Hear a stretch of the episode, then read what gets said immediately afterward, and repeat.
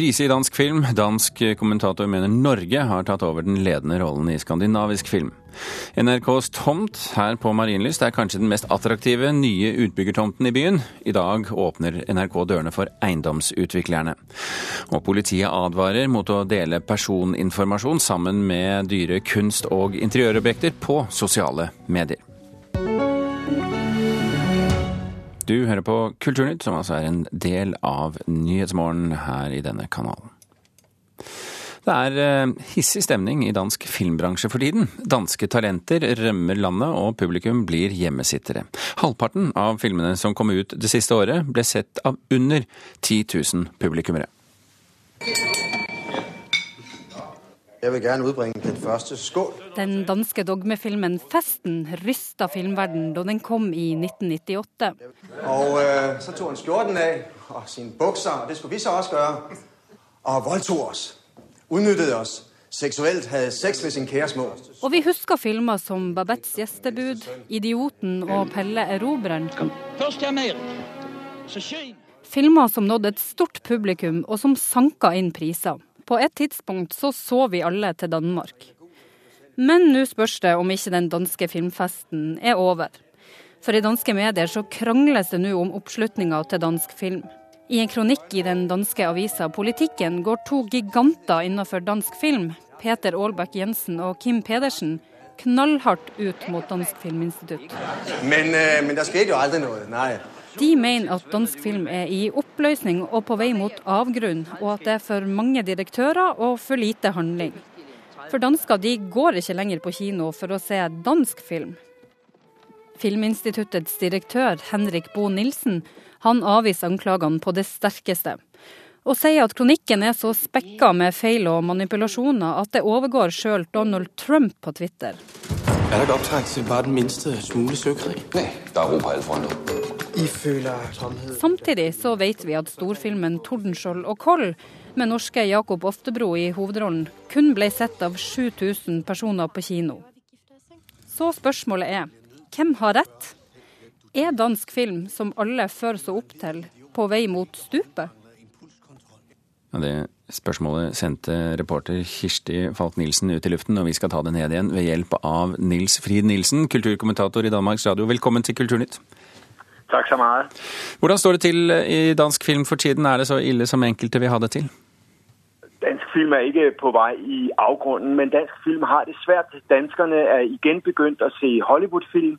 Uh, inntil for noen år siden var det sånn at hver tredje billett der ble solgt i biografene, var en, til en dansk film. Nå er det kun hver femte. Så, så man siver. Uh, vi får heller ikke priser, som vi også var inne på i innslaget. Er, vi, vi, henter ikke priser til Oscar, til Berlin, i Berlinfestivalen i Cannes, på samme måte som vi gjorde uh, da dogmefilmene var aller størst. I den forstand er festen forbi.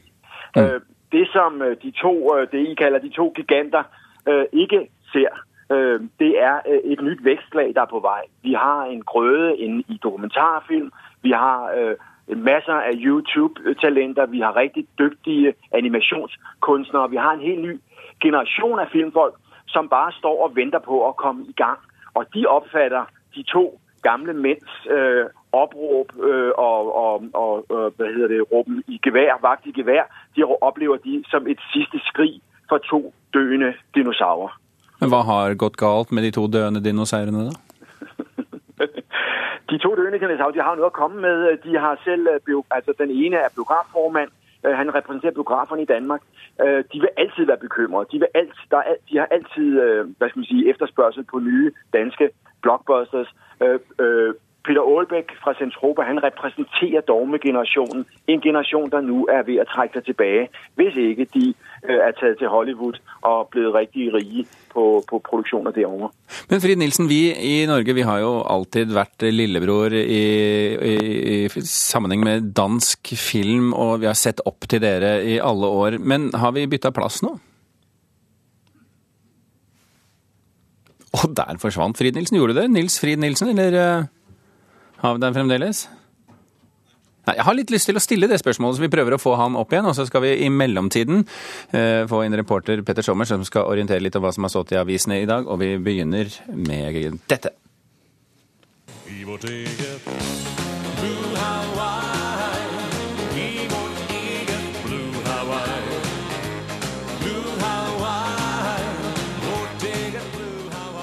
Dette er kjente toner fra det ikoniske svenske dansebandet Vikingarna, men den alltid så kjekke Christer Sjøgren i spissen, han eh, trakk inn årene for 13 år siden, i 2004. Men nå, reporter Petter Sommer, nå er det i gang igjen. Ja, ikke bare Sjøgren trakk inn årene, men eh, Vikingarna trakk inn årene. Eh, men nå skal de, dvs. Si mange, mange av de originale medlemmene i Vikingarna, har trommet sammen bandet på nytt igjen. Og det skal ikke hete Vikingarna denne gangen, men Nye Vikingarna. Årsaken til det er jo at Christian Sjøgren som du nevnte her, ikke er med denne gangen. Mm. Eller det vil si, han skal være med på ti av bandets 40 konserter i sommer. Men den store nyheten nå i dag, det som VG nå skriver om, det er den nye vokalisten som heter Kenneth Valberg og er en tidligere Elvis-imitator fra Skåne.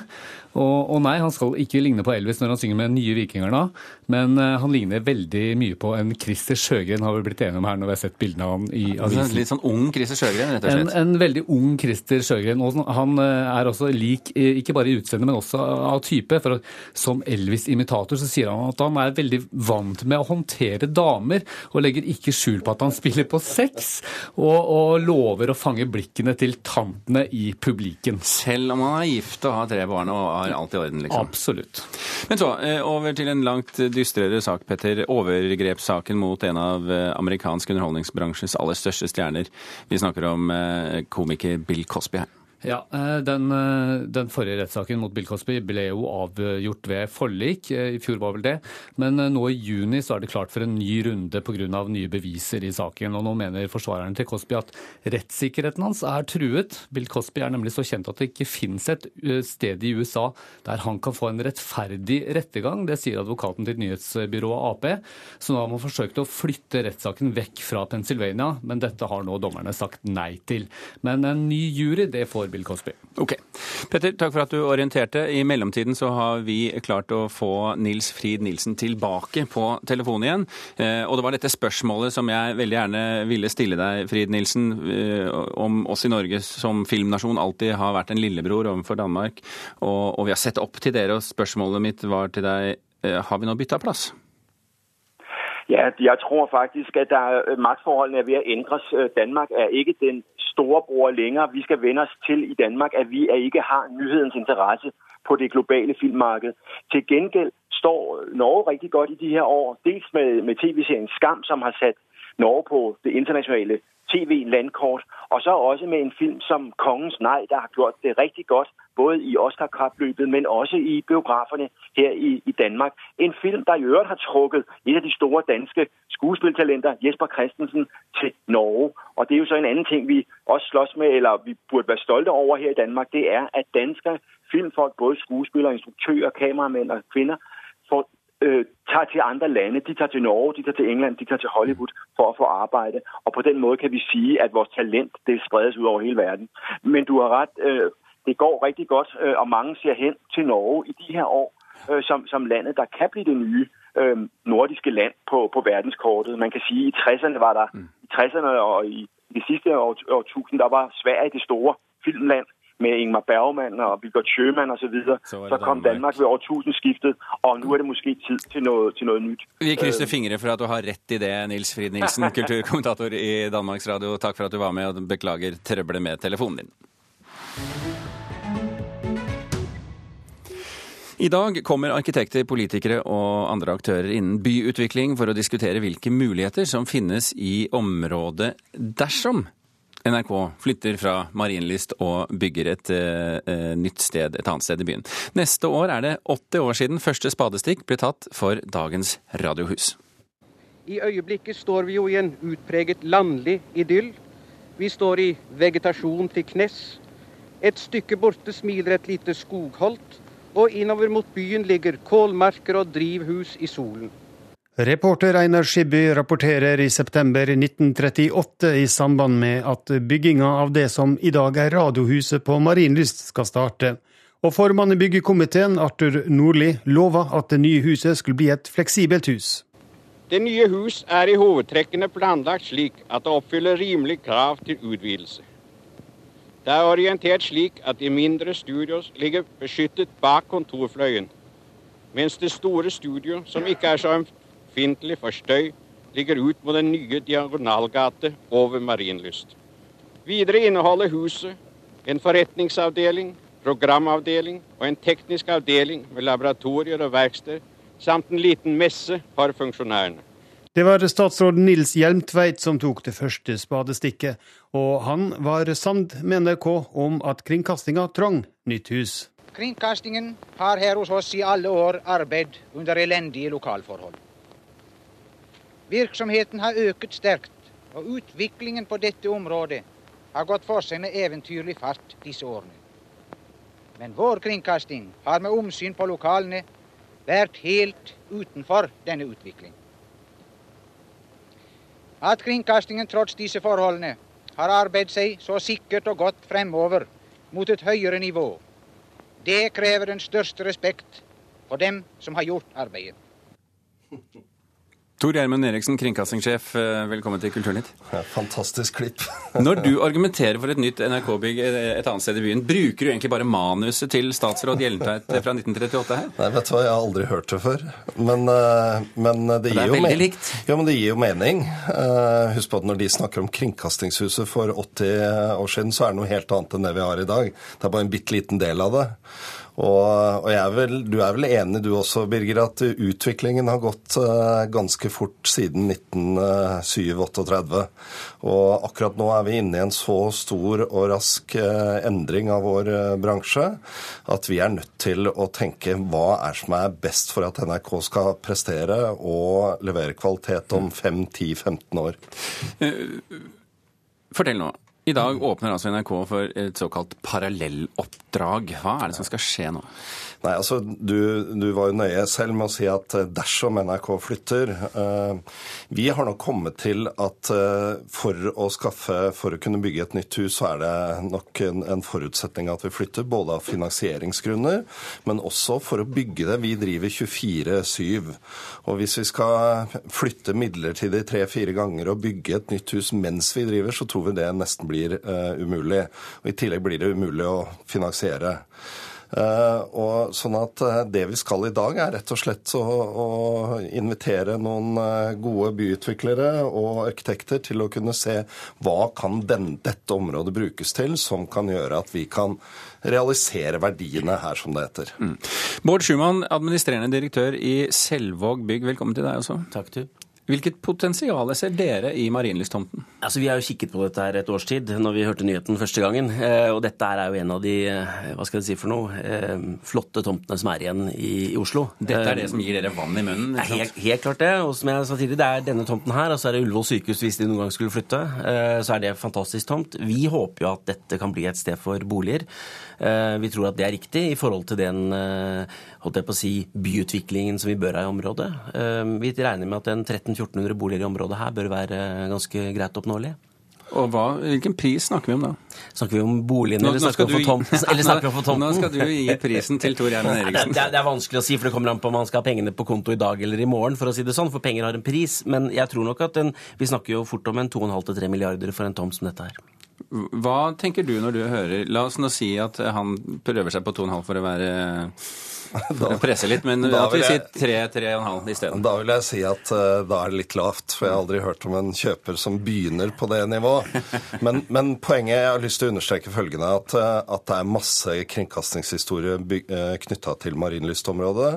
Kringkastingshuset er et fantastisk bygg som selvsagt krever fredning. sånn at det er jo ikke sånn at NRK-historien flytter fra Marienlyst, om vi skulle flytte. Det er veldig viktig, og vi er stolte av å ha vært her. Men nå handler det faktisk om å sette liksom, helt optimale forhold til å være en fremragende kringkasting også om eh, mange år. Men, men uh, Eriksen, du, du, er jo inne på det her. Uh, NRK har vært og er en viktig kulturinstitusjon for det norske folk, både i dag og historisk. Identiteten til NRK er for mange sterkt knyttet til disse byggene vi nå er i her på Marienlyst. Hva sier du til dem eh, som mener at det må veie tyngre enn produksjonstekniske hensyn? Ja, Det forstår jeg ikke, fordi eh, vi må passe på at vi har de aller aller beste forholdene til å lage fantastisk innhold. Det ble nevnt i innslaget før Skam. Eh, vi kommer til teknologisk og arbeidsmessig å utvikle oss så mye. Og så er det sånn du, at kultur og kompetanse sitter sitter ikke i husvegger, altså. De men sitter du nevnte mellom Skam. Den er jo laget her på Marienlyst, Jo, jo, men poenget mitt er jo at jeg, det går veldig fint i dag. NRK jobber bra. Eh, Men det jeg tenker på nå, er jo ikke i min tid. Jeg tenker om 5-10-15 år. Hvordan skal vi ha et hus som stadig kan utvikle seg, og hvor vi som jobber her, stadig kan utvikle nye eh, måter å arbeide på. Schumann, eh, dette kulturminneaspektet, da kanskje særskilt knyttet til Radiohuset, som, som de satte spaden i for 80 år siden. eh, Hvordan kan det passe inn i en, eh, en ny, moderne bydel? Jeg tror det kan være veldig positivt. Det er fordi at det skaper en, en identitet. Eh, og alle vet jo hvor Marienlyst er bare pga. NRK. Eh, så dette her er noe som man skal ta vare på, selvsagt. Og det kommer til å være ting som skal fredes her. altså Både som du sier, noe i forhold til Radiohuset, eh, store studio osv. Så, videre. så det er noe man, noe man skal bygge på, tror jeg.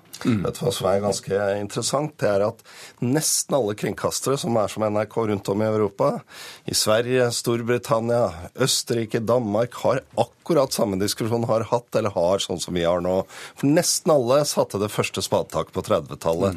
For det var da kringkasterne ble etablert. Så BBC har fått nytt hus i London, Danmarks Radio har fått nytt hus i København, og de diskuterer det rundt om nettopp fordi vi trenger andre forhold for å produsere i framtiden enn i dag. men når det gjelder Danmark, så har de vel eh, noe å lære bort på hvordan man ikke Ja, skal gjøre det? Det har du rett i, og det er derfor vi går ut med parallelloppdrag i dag, for at vi ikke skal sette ting over spill. Mm. Og det er i dag klokken 11, var det slik? Det stemmer. Ja. Eh, Tor Gjermund Eriksen og Bård Schumann fra Selvåg, tusen hjertelig takk for at dere var i Kulturnytt. Klokken er eh, kvart over åtte. Du hører på Kulturnytt, og dette er eh, toppsakene i Nyhetsmorgen nå. Tre av fire barn på flukt til Europa blir utsatt for trakassering og vold, og nesten halvparten av kvinnene er ofre for seksuelle overgrep, viser FN-rapport. Mange norske kommuner bygger ikke eldreboliger, og det kan kommunene tape mye på, ifølge Pensjonistforbundet. Og PST er bekymret for at også norske nazister skal angripe asylmottak, slik nazister i Sverige har gjort. Og i den grad du skulle styre klokka etter hva jeg sier, eller gjøremålene dine, så er klokka nå snart eh, 08.21, bare så det er eh, sagt. For mange er det både naturlig og vanlig å se frem til eh, hjemmet med kunst og andre eiendeler på sosiale medier, men ifølge Økokrim så bør du være forsiktig med å dele personinformasjon sammen med dyre kunst og interiørobjekter på sosiale medier. Erfaringen viser nemlig at denne kombinasjonen kan gjøre det enklere for tyver. Stylist og interiørblogger Linda Elmin tror det er lurt å droppe det de kaller geotagging. Det jeg tenker på når jeg skal ta bilder, er jo at det skal være, være inspirerende. Um, og så er jeg er ganske sånn at jeg setter ting veldig sånn rett på. Uh, Stylist og interiørblogger Linda Elmin vant Vixen Blog Awards for årets interiørblogg i 2015 og var nominert under årets utdeling. Hun oppdaterer sosiale medier og blogg ofte. Jeg vil inspirere litt, uh, både meg selv og andre. Elmin mener det er viktig å tenke seg om før man publiserer på sosiale medier. Jeg tenker at man skal være litt forsiktig med hvem man inviterer hjem. For det er jo det man gjør på sosiale medier. Spesielt hvis man har en åpen profil, så inviterer man jo alle, både kjente og ukjente, inn. Så jeg tenker at man skal være litt forsiktig med å ha døren på vidt gap når man ikke vet hvem som kommer inn. Innlegg og bilder av kunst og interiør er veldig populært på sosiale medier. På bildedelingstjenesten Instagram har den engelske hashtaggen interior blitt benyttet nærmere 20 millioner ganger. Mange oppgir fullt navn, og muligheten for også å geotagge hvor man befinner seg, kan utgjøre en risiko i forhold til tyveri. Det sier Kenneth Didriksen i kunst- og kulturminneavdelingen i Økokrim. Tidligere så var det jo, eh, før blogg var en plattform, så var jo eh, magasiner, eh, papir, boligmagasiner, interiørmagasiner, som, som eh, folk sto frem og viste hva de hadde av interiør, og hadde kanskje hatt en oppussing og var godt fornøyd med den, og kunne vise interesse for leserne. Og Det finnes jo eksempler på at eh, ifra, det var vel Sverige, der eh, etter et innbrudd ble funnet magasiner eh, på stedet med kan du si, da, ring rundt de tingene de ville ha tak i, de som hadde gjort innbruddet. Didriksen sier trenden nå er at alt kan publiseres i sosiale medier, ofte uten å tenke på risiko eller konsekvens. Så, så det kan jo foregå en, eh, en, en, en faglig diskusjon og interesse rundt ting uten å måtte oppgi akkurat alt av eh, personlig informasjon. Noen ganger så flytter jeg vel litt på ting. Eh, sånn, tenker jeg. Og så tar man eh, fram kamera og prøver å se liksom hvordan, hvordan det passer. Tror du det utgjør noe risiko hvis man har et dyrt maleri hengende på veggen og legger det ut? Eh, jeg, jeg, håper jo ikke det. Jeg håper ikke at vi har kommet dit ennå. Men jeg tror at vi kommer til å komme dit snart. Reporter her, det var Caroline Tolvsen. Deler av 22. juli-kommisjonens referater må fortsatt hemmeligholdes. Det mener Nasjonal støttegruppe etter 22. juli. Overfor Dagbladet tok nestleder Hadia Tajik i Arbeiderpartiet før helgen til orde for at alle disse dokumentene må offentliggjøres. Saken er igjen aktuell etter at beredskapstroppen som gikk til aksjon på Utøya, i en ny bok forteller historien sin for første gang. Vi er jo en bit av 22. Eh, og det vil vi aldri kunne klare å komme fra, og det er vi heller ikke interessert i å gjøre. Han må være anonym, men i boka På vår vakt, som kom ut i forrige uke, kaller han seg Ragnar. Her dybdeintervjues 20 av dem som deltok i beredskapstroppens aksjon på Utøya. Så Vi er ydmyke i forhold til det at vi ikke sitter på den hele og totale sannheten, vi gjelder. Men akkurat på det vi har vært med med, så sitter vi på faktakunnskap. Særlig er mange i beredskapstroppen overrasket over at deres versjon av trusselforståelsen ikke kom med i konklusjonen til 22.07-kommisjonens granskingsrapport. I boka går det fram at troppen som rykket fra Oslo, mente det kunne befinne seg fra tre til fem gjerningspersoner på Utøya. Det er en avstand mellom det beredskapstroppen forteller, og det som står i kommisjonsrapporten på enkelte punkter. Og det er viktig at vi drar læring av det det er mulig å dra læring av sier nestleder Hadia Tajik i Arbeiderpartiet. Enkelte deler av 22.07-kommisjonens rapport er blitt offentliggjort, men intervjuene med beredskapstroppen og mange andre referater er fortsatt hemmeligholdt. Det har allerede gått seks år. Eh, det er min mening at det bør ikke gå veldig mange flere år før referatene er offentlig tilgjengelig. Kulturministeren bør se på offentliggjøring av referatene på ny. Sa Hadia Tajik. Og bare for å presisere det her, om det skulle være noe tvil. Selve rapporten til Gjørv-kommisjonen er altså offentliggjort i sin helhet. Det er noe av underlagsmaterialet som er unntatt offentlighet. Eh, foreløpig, i hvert fall. Reporter her, det var Gjermund Jappé. Og vi skal fra eh, innsyn til eh, noe helt annet. Utsyn, kanskje. Vi Viser dokumentarfotografiet et sant bilde av virkeligheten? Makter portrettet å fange en persons identitet? Dette er blant spørsmålene som stilles i Nasjonalmuseets nye utstilling Snap, som nå vises på Museet for samtidskunst her i Oslo. Kunstkritiker i NRK Mona Palle Bjerke, vi lever jo i en tid der fotografiet tar over mer og mer av kommunikasjonen mellom oss mennesker. Er det behovet for å stanse opp litt og tenke litt som motiverer Nasjonalmuseet her? Ja, det tror jeg kanskje. Det tenker jeg også er veldig, veldig viktig. For som du sier, vi fotograferer mer enn noensinne. Vi dokumenterer, vi publiserer. Og vi har et veldig dobbelt forhold til fotografi. For dels så er det allestedsnærværende, men det profesjonelle fotografiet taper jo drastisk terreng. Så det er litt sånn at vi ser ikke fotografiet for bare bilder. Så jeg tror det er veldig viktig at vi stopper opp og ser hva fotografiet har vært og hva det er. Men hva er det vi får se på denne utstillingen, da? Ja, Utstillingen fokuserer da på dokumentarfotografi og portrett. Eh, og det er jo da ikke da som to helt klart atskilte sjangre, men som to sjangre som på en måte glir litt i hverandre. Og det starter da med de store sosiale dokumentarfotografene eh, Jacob Riis, dansk-amerikanske Jacob Riis og amerikanske Louis Hine fra 1880-årene, som ønsket å skildre fattigdom og nød og barnearbeid. Og trekker da denne linjen helt frem til 1990-tallet med Nan Goldins snapshot-estetikk. Hennes da eh, umiddelbare, sanselige dokumentering av sitt eget og sine venners liv, hvor hun skildrer sykdom, hun skildrer eh, rus, og også da vonde og vakre kjærlighetsforhold og vennskap. Men, men dette her skal jo da være dokumentariske prosjekter. Eh, men dette iscenesatte fotografi, da, hvorfor er det med? Ja, det har de satt inn som en eh, slags kontrast som setter setter eh, dokumentarfotografi i relieff. Det er egentlig et ganske godt grep. Eh, og vi får jo bl.a. se Torbjørn Rødlands fotografier. Han har jo denne brytningen mellom det høystemte og det åndsforlatte. For eksempel får vi se Hva betyr det? Jo, han har jo da Det er liksom noe ugesvangert, noe romantisk. Han har jo da eh, nudistserien sin, bl.a. Nudist nummer tre fra 1999. Her vi ser en slank kvinne som står helt naken bare med joggesko i en skog. Hun står med ryggen mot oss, og det blonde håret faller sånn mykt nedover den brune ryggen. Hun holder da et sånt litt slitt, skittent handlenett. Og dette er jo så typisk han. Den ryggvendte skikkelsen dukker opp i mange fotografier og er hentet fra de store romantiske bildene til Caspar David Friedrich, f.eks. Jeg fikk litt sånn Munch-følelse i dette ja, her, ja. Men i tillegg så har han da den, disse litt sånn trivielle elementene som joggeskoene eller handlenettet, som bringer det ned på jorden og gir disse romantiske på en måte klisjeene en slags tvist. Mm. Utstillingen har jo fått navnet Snap.